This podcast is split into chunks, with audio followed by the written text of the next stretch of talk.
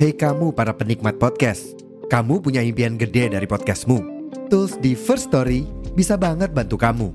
Mulai dari F-Link, Dynamic Audio Insertion, sampai statistik yang komprehensif, semua ada di First Story. Gak ketinggalan, kamu bisa monetisasi podcastmu lewat iklan dari First Story Ads yang bisa kasih kamu penghasilan dari setiap place podcastmu. Yuk gabung sekarang dengan klik di firststory.me. Sekali lagi, di firststory.me. Mari kita bawa mimpi podcastingmu menjadi kenyataan. Selamat datang di Optis Obrolan para tifosi sepak bola episode spesial Bersama kami Duo korporat Duo pundit korporat yang sudah menampakkan wajahnya ya, Untuk mencoba fitur upload video di Apa namanya? Eh, Anchor Anchor di Spotify Emang bisa di Spotify? Bisa bisa Wah, Emang lu pikir ini buat konten Youtube? iya, saya kira gitu. Agak geblek Duh, Duh, nggak nih. proper nih. Ah, setupnya ngaco. Nah, nah. Gimana sih enaknya? Ah, gini. Segini ya. Matiin dulu kali WhatsApp. Masih ini, Pak. Apa? Biar aman kalau misalnya Hmm. dicari sama korporat kan saya kan tetap korporat gitu. Eh, ini gue pakai headset buat ini ya, cek audio takutnya kresek atau apa. Hmm. Ya udah. Jadi selamat datang di episode 11. Ya, episode 11 tuh Duh, ini ntar lupa. Ini gimana sih? Kan. Ini ngapain ide pakai video dah? Tahu siapa yang niat? Iya, gua gua sih, gua sih ide gua ini. Maksudnya biar kita kenalan dulu. Jadi kalau buat para pendengar ya semoga ada yang mendengarkan. Insya Allah ada lah yang dengerin. Ya jadi kalau ada yang bertanya-tanya si- yang mana Reza, yang mana Rangga, ya saya Rangga, ini Reza gitu. Hmm. Nggak, itu dibalik. Ya, jadi dia Rangga, saya Reza. Oke, jadi di episode 11 ini kok Hmm. mau bahas apa nih kita? Bahas apa sih? Bahas apa gitu maksudnya? Ini sebenarnya kontennya mau menjelaskan tentang apa sih gitu? Matematik. Matematika Hitung-hitungan, ya? hitung-hitungan. Jadi bahwa sesungguhnya matematika itu ada di sepak bola. Iya. Ternyata kalau satu ditambah 6 tuh 7. Wah, Iya nggak bener kan? Nggak, satu gini, tambah gini satu loh, tambah. 6 7 kan? angka 7 itu adalah angka yang bisa membangkit membangkitkan kenangan buruk Kenakan buruk ya. Sama bagi kayak fans beberapa tim ya. Iya, ternyata sama tulisan 5 5 strip 1 Nah, juga strip 2 gitu Lima strip maksudnya. dua, ah, itu kan bisa mem bangkitkan memori membangkitkan memori. memori-memori Padahal kan matematika doang ya. Iya betul. Enggak, enggak. Lebih lebih tepatnya bahwa sepak bola itu bukan hitung-hitungan angka, bukan hitung-hitungan statistik. Gak ada namanya kalau lu diunggul, lu habis menang banyak, terus lu bawa jadi tim yang diunggulkan gitu. Bahwa lu pasti menang. Untuk ya jadi ternyata menang besar itu bukan jaminan atas konsistensi gitu Betul. Atau win streak juga bukan jaminan akan lo konsistensi menuju ke ke, ke- ke kemenangan berikutnya gitu. Oh iya iya iya. iya. Bahwa Napoli menang win streak abis kalah lawan Inter tuh tidak menampilkan bahwa dia bisa kalah juga sama tim lain. Iya, Dan yang jadi- ngalahin juga belum tentu akan menang lagi. Terbukti kalah lawan Alkmaar terakhir. Iya, Lazio ya Lazio kalah di 2-1. Conference, Conference League ya. Begitupun juga Roma abis Iya. kalah dengan posisi paling buncit Cremonese, abis itu menang lawan eh, Juve. Iya benar benar Gitu. benar. Begitupun Juve juga yang kalah lawan Roma tapi ternyata menang lawan Freiburg. Jadi eh, konteksnya adalah berbicara masalah sepak bola itu bukan hanya angka dan statistik saja.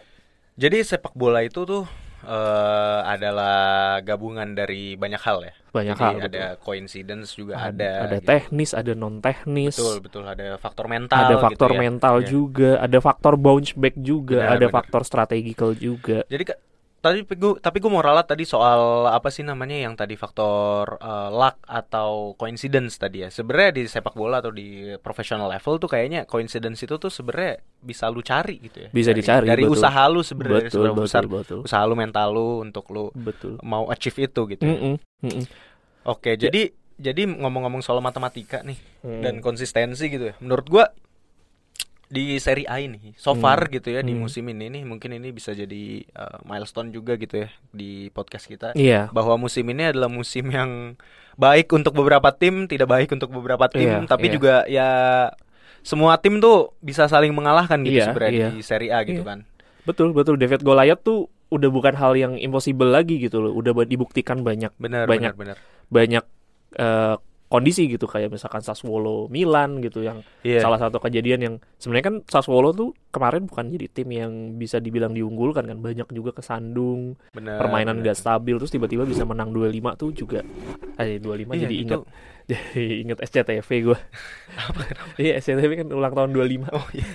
kan itu lagunya Si- terngiang-ngiang Si random banget. si random terus ya ba- banyak lah ba- banyak kondisi-kondisi yang di mana kita tahu sebenarnya secara secara komposisi kayaknya nih tim harusnya tidak diunggulkan terus jadi jadi tim yang malah menang gitu Iya, iya ngerti ngerti gua. Mm, Tapi mm. menurut lu eh hal tersebut gitu ya, David and Mm. Goliath itu. Mm, mm. Menurut gua kalau lu lihat dari 20 tahun ke belakang gitu ya. Ini Mm. agak jauh nih ya 20 tahun ke belakang.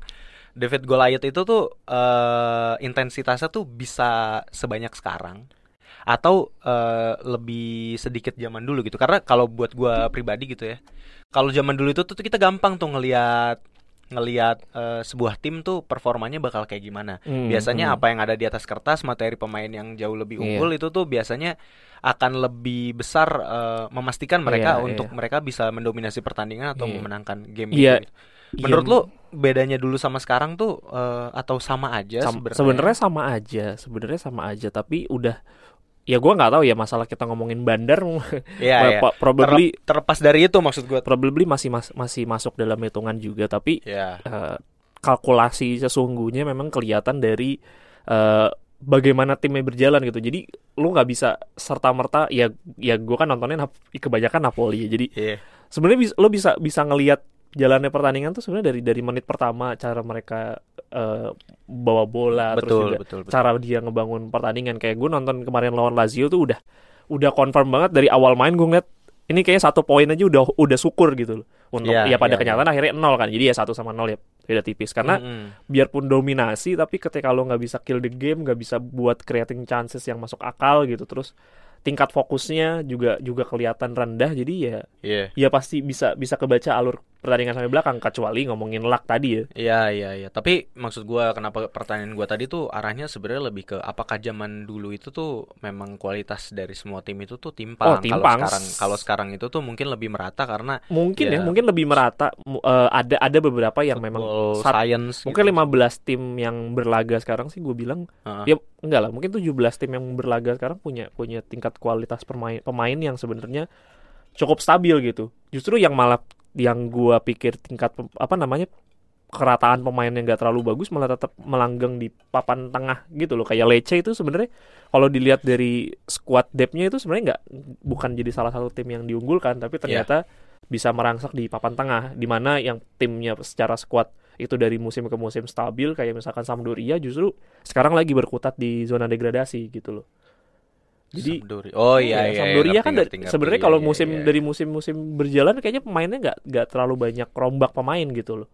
Iya benar-benar. Tapi Gitu. maksud gua eh ya memang memang faktor-faktor kehilangan pemain kunci, Iya. pergantian pelatih Betul. dan eh, manajemen. Manajemen, Sebenarnya yang iya. lebih gua sadarin ketika gua dewasa nonton sepak bola tuh manajemen tuh Hmm. bener-bener ngaruh sebenarnya. ya kayak Monza.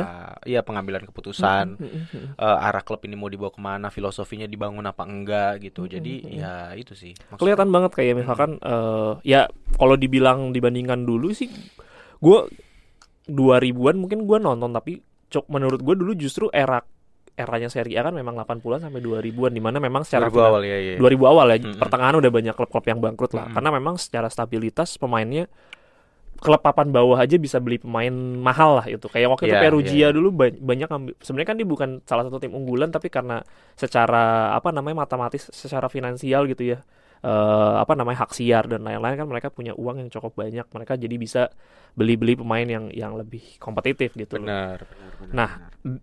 mungkin sebenarnya paling paling ideal kalau ngelihat sih mungkin lima musim terakhir ya karena memang menurut gue lima musim terakhir kan dominasi Juve juga udah mulai turun Heeh. tapi eh, dominasi yang lain tim-tim yang lain juga makin stabil gitu makin kuat di sisi lain apa namanya eh, leadernya sudah mulai kehilangan arah mau mau jalan ke mana tapi Iya, iya, di iya. sisi lain yang bawah-bawah lagi coba berkembang gitu jadinya itu yang bikin menurut gue lima musim terakhir nih jadi lebih kompetitif gitu. Ngerti, ngerti, ngerti. Apa?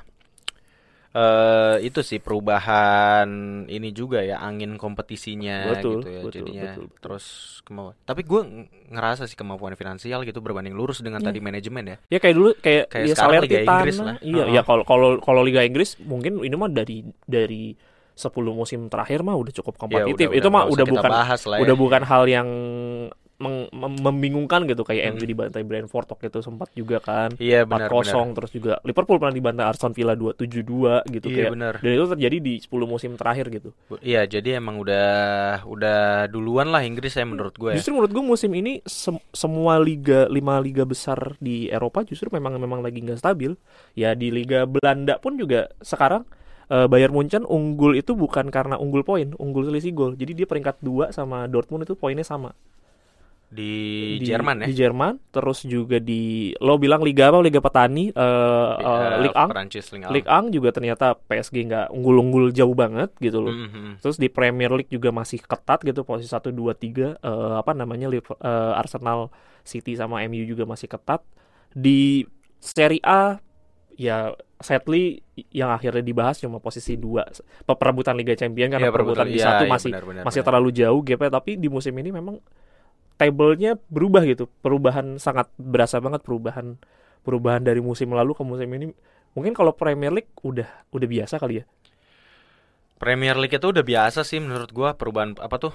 eh si Iya maksudnya Ya, antar roller coaster iya, naik roller coasternya ini. udah udah Ah. berasa banget tapi kalau justru tim-tim yang apa namanya sorry liga-liga yang lain mu- mulai mulai berubah gitu arah arah permainan Iya, gua rasa gua rasa banyak yang udah mulai belajar dari Inggris juga nggak gengsi lagi gitu dan Iya. mereka sadar bahwa mereka ketinggalan sama Liga Inggris gitu kali ya. Ya, dan gue cukup cukup yakin bahwa Mhm. memang perubahan strategi strategi apa namanya tactical tuh berasa banget di di lima musim terakhir bahwa eh, mungkin tim besar mau mencoba adaptasi pola baru jadi mereka juga ngerubah tactical kayak City mungkin kalau lo lihat Iya. sekarang udah mulai jalan dengan taktik 3 back gitu Masa sih City? Iya lu lu bisa cek di beberapa pertandingan. Jadi eh, Pep Nggak juga mulai eksperimen. Iya, iya. Ya ada kalanya dipakai taktik back 4 juga Milan mulai eksperimen dengan tactical baru terus juga ya Napoli mungkin sangat sering ya karena memang perubahan pelatihnya juga mungkin 2 3 musim sekali berubah kan. Mm-mm. Di apa Nagelsmann juga salah satu pem- apa namanya mengubah mengubah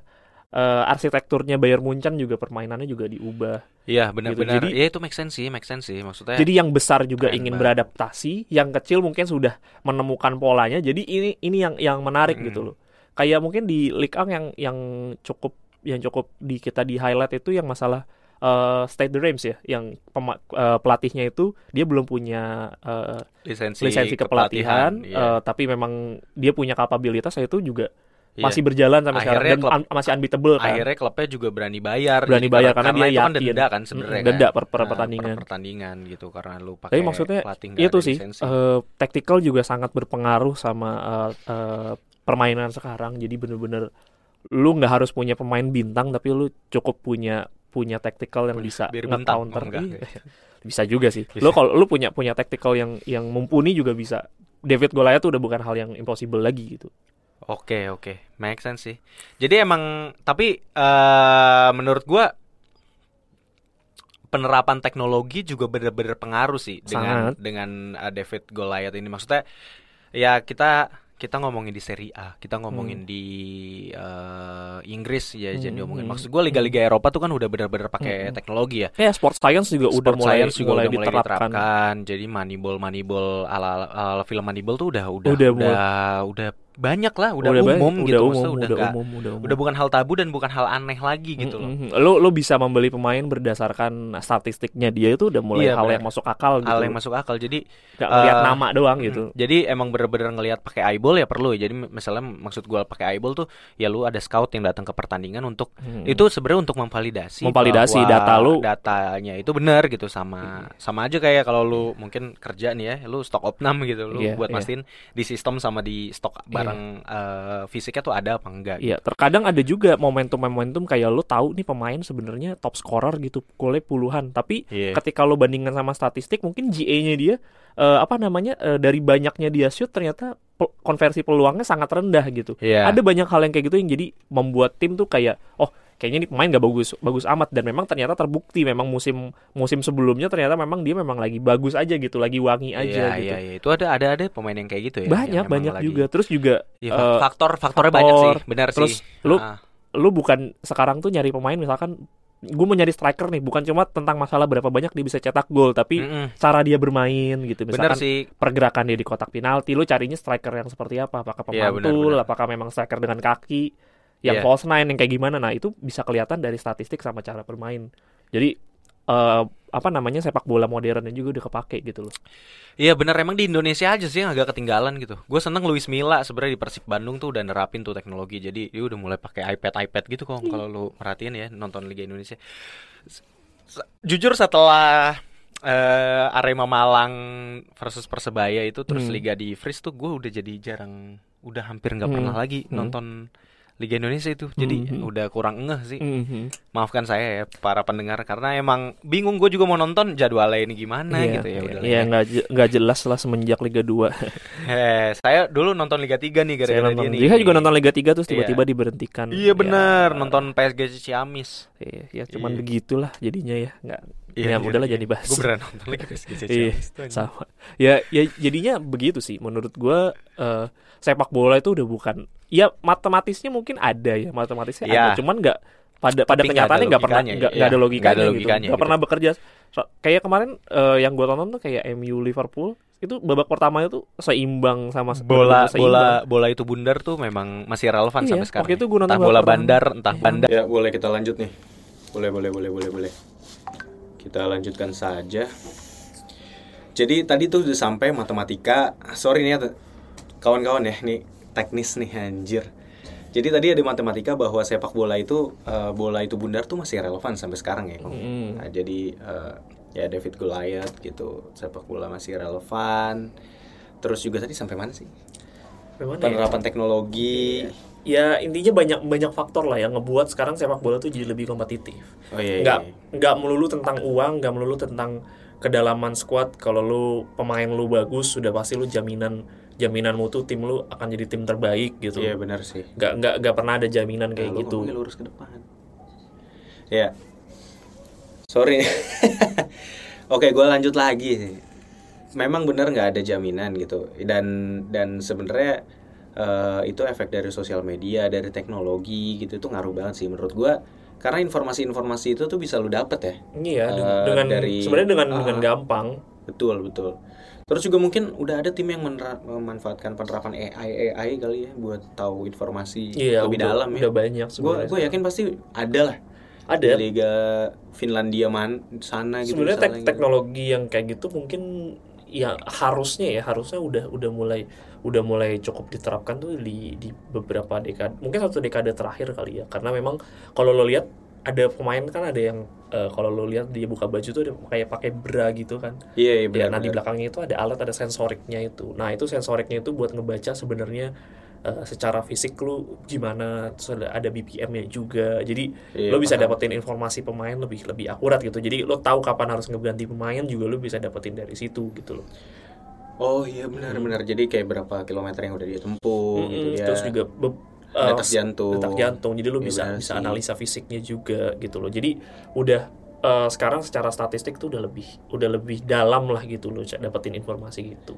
Ya jadi kita bisa lebih mengerti ya kenapa David Goliath itu eh, ada dan cukup sering menurut gue ya. Bahkan bahkan maksud gue kalau lu perhatiin ya eh, tim-tim baik di Serie A ataupun di liga lain, Serie A deh jangan jauh-jauh deh ya.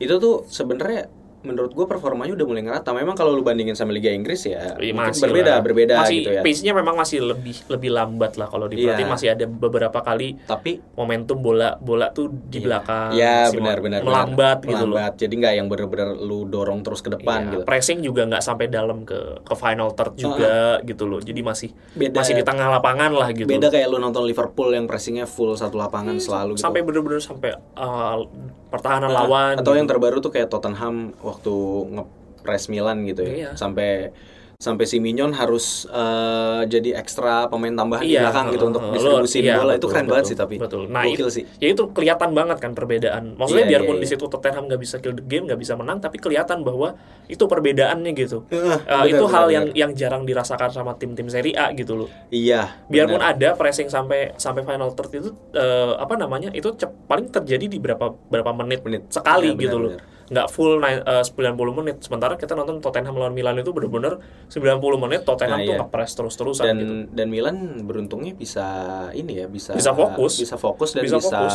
me- me- menyesuaikan Bisa memanfaatkan kondisi keadaan. ya gitu itu loh. menurut Dia- gue itu dia buat karena itu teknologi mungkin dia bisa ya, bikin benar-benar pelanggaran belajar. pelanggaran maksudnya Ah. dia bisa menjatuhkan diri apa jadi Iya, mem- iya, menurunkan iya. pace gitu loh itu, penting sih, di itu sepak penting. bola benar benar benar untuk nurunin pace jadi jangan mau lu di iya jangan sama jangan didikte lawan lu nah itu yang kejadian kan Iya. sebenarnya kejadian di PSG lawan kemarin tuh eh, PSG Bayern Munchen. Ternyata PSG-nya yang kebawa sama temponya si Bayern Munchen. Iya, akhirnya benar. Bayern Munchen yang manfaatin peluangnya gitu loh. Jadi hal-hal yang seperti itu sih eh, kelihatan banget. Ya kalau gua nggak tahu ya yang yang suka nonton bola harusnya bisa ngelihat itulah.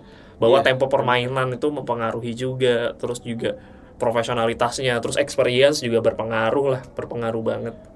Itu sih pemain-pemain Milan tuh beruntungnya ada ada Olivier Giroud yang emang Hmm. experience gitu maksud gue Mignon juga dari Liga Prancis juga pernah juara jadi Hmm.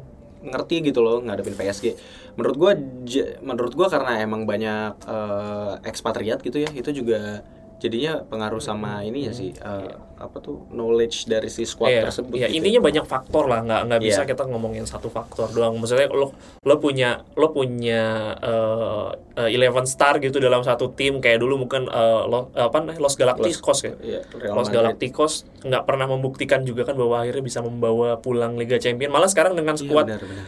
aneh itu malah bisa juara Champions dua kali gitu loh. sama Vinga Iya. dengan wah nama-nama yang mungkin mungkin bukan nggak beken lah ya sebenarnya. Iya maksudnya kalau dibilang semuanya sebelas sebelasnya bintang kan nggak juga Vinicius Junior gitu loh. iya benar benar benar Pemain bagus mungkin iya, tapi apakah dia benar-benar pemain yang eksplosif bintang segitunya kan nggak juga, Enggak juga gitu loh. beda tapi sama ya, iya, itu membuktikan bahwa sebenarnya nggak nggak nggak melulu lu harus punya pemain bintang untuk bisa menjuarai sesuatu gitu. benar benar Udah nggak ada matematikanya Iya. lah sebenarnya. betul betul jadi ya untuk lo mempertajam probabilitas lo menang ya sebetulnya lo juga harus ini aja sih ya lo harus manfaatin data yang ada gitu sebenarnya jadi Konsep- biar iya. Seber- karena karena sekarang menurut gue mindsetnya sepak bola itu harusnya udah ini sih berubah dari oh tim kita tuh unggul di atas kertas gitu Hmm. jadi lu oh enggak enggak enggak ini sebenarnya semuanya sama gitu Hmm. jadi kita emang harus lebih baik dari mereka gitu kalau Iya. emang mau Siapa yang punya Eh, tingkat fokus menang. paling tinggi di lapangan dalam 90 menit itu yang menurut gue pa- pasti akan menang sih. iya itu benar kelihatan sih. ya kalaupun kalah bukan kalah yang benar-benar memalukan gitu. Itu sangat terlihat pada saat ya Liverpool MU sih.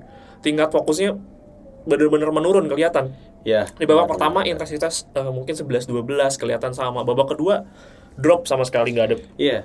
fokusnya hilang sama sekali. Atau kalau balik ke roots ya contohnya kayak Milan kemarin kalah lawan Fiorentina Napoli lawan Lazio gitu. Eh, Juventus lawan Lawan Roma, gitu. Biarpun itu. kalau Ro- eh, Juventus Roma, Juventus oke mm, apa namanya menguasai hampir jalannya pertandingan, seluruh jalannya pertandingan dikuasain, tapi Iya. lu kehilangan fokus sebentar aja ya. Bener, Itu bener. berubah pertandingan. Itu, Itu- golnya Mancini itu kehilangan fokus sebentar itu. Dia kan tendangan dari luar kotak penalti. iya Itu iya, kalau iya, iya, iya. harusnya dia ngepres dengan sesuai, itu harusnya nggak kejadian gol itu. Iya, benar sih. Itu Jadi penting banget. Napoli Lazio itu bedanya level tertinggi sama level ini ya, level Liga 3 ya. Mohon maaf, bukan Iya. mere- merendahkan Iya. Liga 3 bukan. Ya maksudnya kalau Itu Liga, beda-beda Liga ya, 3 tuh bener. bener-bener ber- bermain dengan fisik gitu loh. Jadi Ya, ya, mau ya, ya. kehilangan fokus, yang satu juga ternyata kehilangan fokus ya adu fisik aja Iya, gitu. adu fisik aja. Mau kebobolan satu gol mungkin masih bisa ngebales, maksudnya ya kayak Iya, gitu lah iya, masih. iya. Tapi kalau lu di level tertinggi lu kehilangan fokus sedikit ya lu dihukum gitu, dipunish. Ya mungkin satu satu tim tidak lebih dominan tapi satu tim yang tidak dominan itu lebih bisa memanfaatkan peluang udah Iya, habis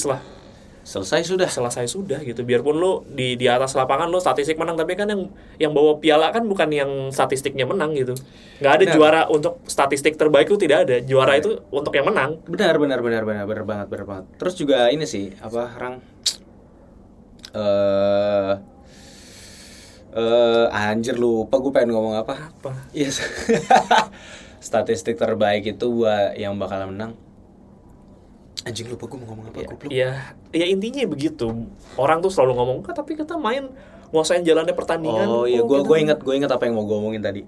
Jadi sebenarnya nikmatin aja sih ketidakpastian dan David on Goliath di sepak bola modern ini gitu ya. Karena sebenarnya itu malah memberikan kita banyak banyak game-game yang seru gitu. Ba- Betul, bahkan kalau lu iseng gabut mau nonton bola lu setel aja eh, apa kayak misalnya Cremonese lawan Salernitana itu Kemarin menurut gue gue nonton dan, dan itu seru loh sebenarnya. gue salah satu yang seru kemarin itu ya Sassuolo lawan Cremonese. Jadi memang secara permainan juga Cremonese Spartan banget, tapi Iya. uh, unfortunately kebobolan dua gol. Mereka kejar defisitnya jadi dua sama, akhirnya kalah 3-2. Dan itu Iya. sering kejadian di Cremonese gitu. Iya. Bahwa ya bahwa ya kayak gitu gitu loh. apa ya iya iya kayak kayak itu itu benar-benar Cremonese itu menurut gua siap ada di level tertinggi tapi juga tidak siap ada di level tertinggi gitu dalam artian lu siap nih untuk memberikan intensitas lu bisa menghukum eh, apa eh, tim lawan lu ketika mereka bikin kesalahan gitu Tapi ternyata dia juga bukan tim yang perfect Iya, juga. tapi gitu. dia juga ternyata tim yang cukup banyak melakukan Kesalahan- kesalahan, kesalahan itu juga gitu. gitu. Jadi, Jadi- itulah antara dia. Dia siap sebenarnya untuk menerkam, tapi dia terlalu terlalu banyak juga diterkamnya Iya, gitu. unfortunate aja gitu sebagai tim Iya. yang tidak beruntung menurut gue di musim ini Iya, sih. jadi kelihatannya nggak beruntung. Gitu. Padahal di musim kalau lalu- belajar dari ego Jin Paci nggak ada itu beruntung-beruntung di Iya. liga profesional. Padahal di musim lalu banyak pemain tim-tim yang eh, apa namanya tim promosi yang dibilang punya punya kualitas mirip-mirip kayak eh, Salernitana sama Spezia gitu loh. Itu Iya, mereka benar, punya benar, benar. punya kualitas yang cukup cukup lah untuk di Serie A gitu. Tapi ya pada akhirnya kan mereka bertahan gitu di Serie A. Nah, Se- Cremonese ini yang salah satu yang cukup tidak beruntung sebenarnya punya kualitas yang mirip-mirip tapi kalahnya ya kalah gitu, kalah ya kalah 1-0, 2-1, 3-2 gitu. Jadi ya kalah-kalah kalah-kalah Ya, tanpa kayak- per- uh, dengan perlawanan tapi ya, Ya, sangat kalah, disayangkan nggak menang kalah, gitu. Iya, iya benar. Menang lawan Roma juga kan 2-1 kalau nggak salah. Seingat gue 2-1 ke 1-0. satu kosong, 1-0 ya. satu kosong. Ya, Pokoknya gitu lah. Anjir lupa ya, ini satu kosong sih. Ya udah nanti bisa dicek lagi lah. Anjir, ketahuan banget kurang research. Ya, Kampret. nggak harus research juga sih kan. Iya. Yang lain bisa research juga. Iya sih, udah ada chat GPT Iya. jangan males, Kan tinggal pakai. Kan kita kita yang kita bahas permainan ini dulu. Iya, yang kita bahas itu sebenarnya lebih hal non teknis sih sekarang gitu ya tentang eh, David on Goliath gitu, faktor mental, ya, apa aja yang bisa mempengaruhi tim itu untuk menang gitu. Dan ya semoga tim-tim yang memang sekarang lagi menang gitu mental state-nya tuh tetap kejaga sih. Iya, Terutama tim iya. Serie A di Eropa ya. Iya, karena uh, gua so happy far, sih, so so far. far yang udah dipastikan lolos kan udah ada Milan kan ya. Milan udah dipastikan Iya. lolos untuk masuk quarter final. Napoli Dan insya Allah hopefully lolos udah nih. setengah udah udah setengah badan Iya, lah. jangan Napoli. insya Allah deh, insya Allah itu kan janji ya. Ya hopefully lah. Iya. Semoga Uh, ya. Napoli udah setengah kaki, mungkin yang yang masih agak deg-degan itu sebenarnya kan masih Inter karena satu kosong kan. Inter tuh lawan Satu siapa ya? kosong, gua agak lupa sih lawan siapa. Tapi ya yang pasti udah satu kosong lah. Ya anjir lupa Ya anjir. kan gue juga nggak nonton Inter ya. ya gitu Iya, kayak saya kan Mm. saya Ya kan saya kan kalau nonton Inter tuh kayak gimana ya? Masih ber- gua sih gua masih- Hakan megang bola tuh gua ih, ih. masih masih gue sih masih berharap sem- eh, tim Serie A ketemunya di semifinal ya jangan di quarter final karena gue berharap masih eh, tim Serie A masih masih punya jalan lebih panjang gitu loh sayang aja kalau ketemu di quarter final tuh eh di Iya iya iya. Kalau ketemu di quarter final kayak tim Italia bunuh-bunuhan tuh sayang aja sih. Sayang, Tapi tapi kalau tim Italia ketemu tim Italia jadi lebih punya kans untuk eh, lolos ke semifinal karena iya betul. Karena gue ser- enggak sebenarnya tim 8 besar ini tuh jujur quarter final ini gue agak pesimis sih gitu. ya karena ngelihat tim yang lolosnya juga kan ada ya anggaplah Madrid lolos gitu loh. Iya. Bayern Munchen kan udah pasti lolos Ben- eh, eh, Chelsea Benfica, udah lolos dan Benfica. Munchen, Benfica, Chelsea. Chelsea, Milan. Ya, sebenarnya paling enak, paling gampang ya Chelsea sebenarnya sekarang ya. Gue jujur berharap Milan ketemu Chelsea kalau Iya. gue karena gue masih penasaran sama Chelsea satu grup Same, kan. same thing dengan Iya. Napoli gitu loh, karena Napoli itu masih punya kenangan pahit kan kalah lawan Chelsea zamannya Drogba gitu loh. Oh iya benar benar. Dan benar, itu benar. salah satu tim yang memupuskan mimpinya Napoli untuk melangkah Iya. ke lap- enam- sekarang 8 8 besar. ya? Iya, Iya, 8 besar. delapan besar.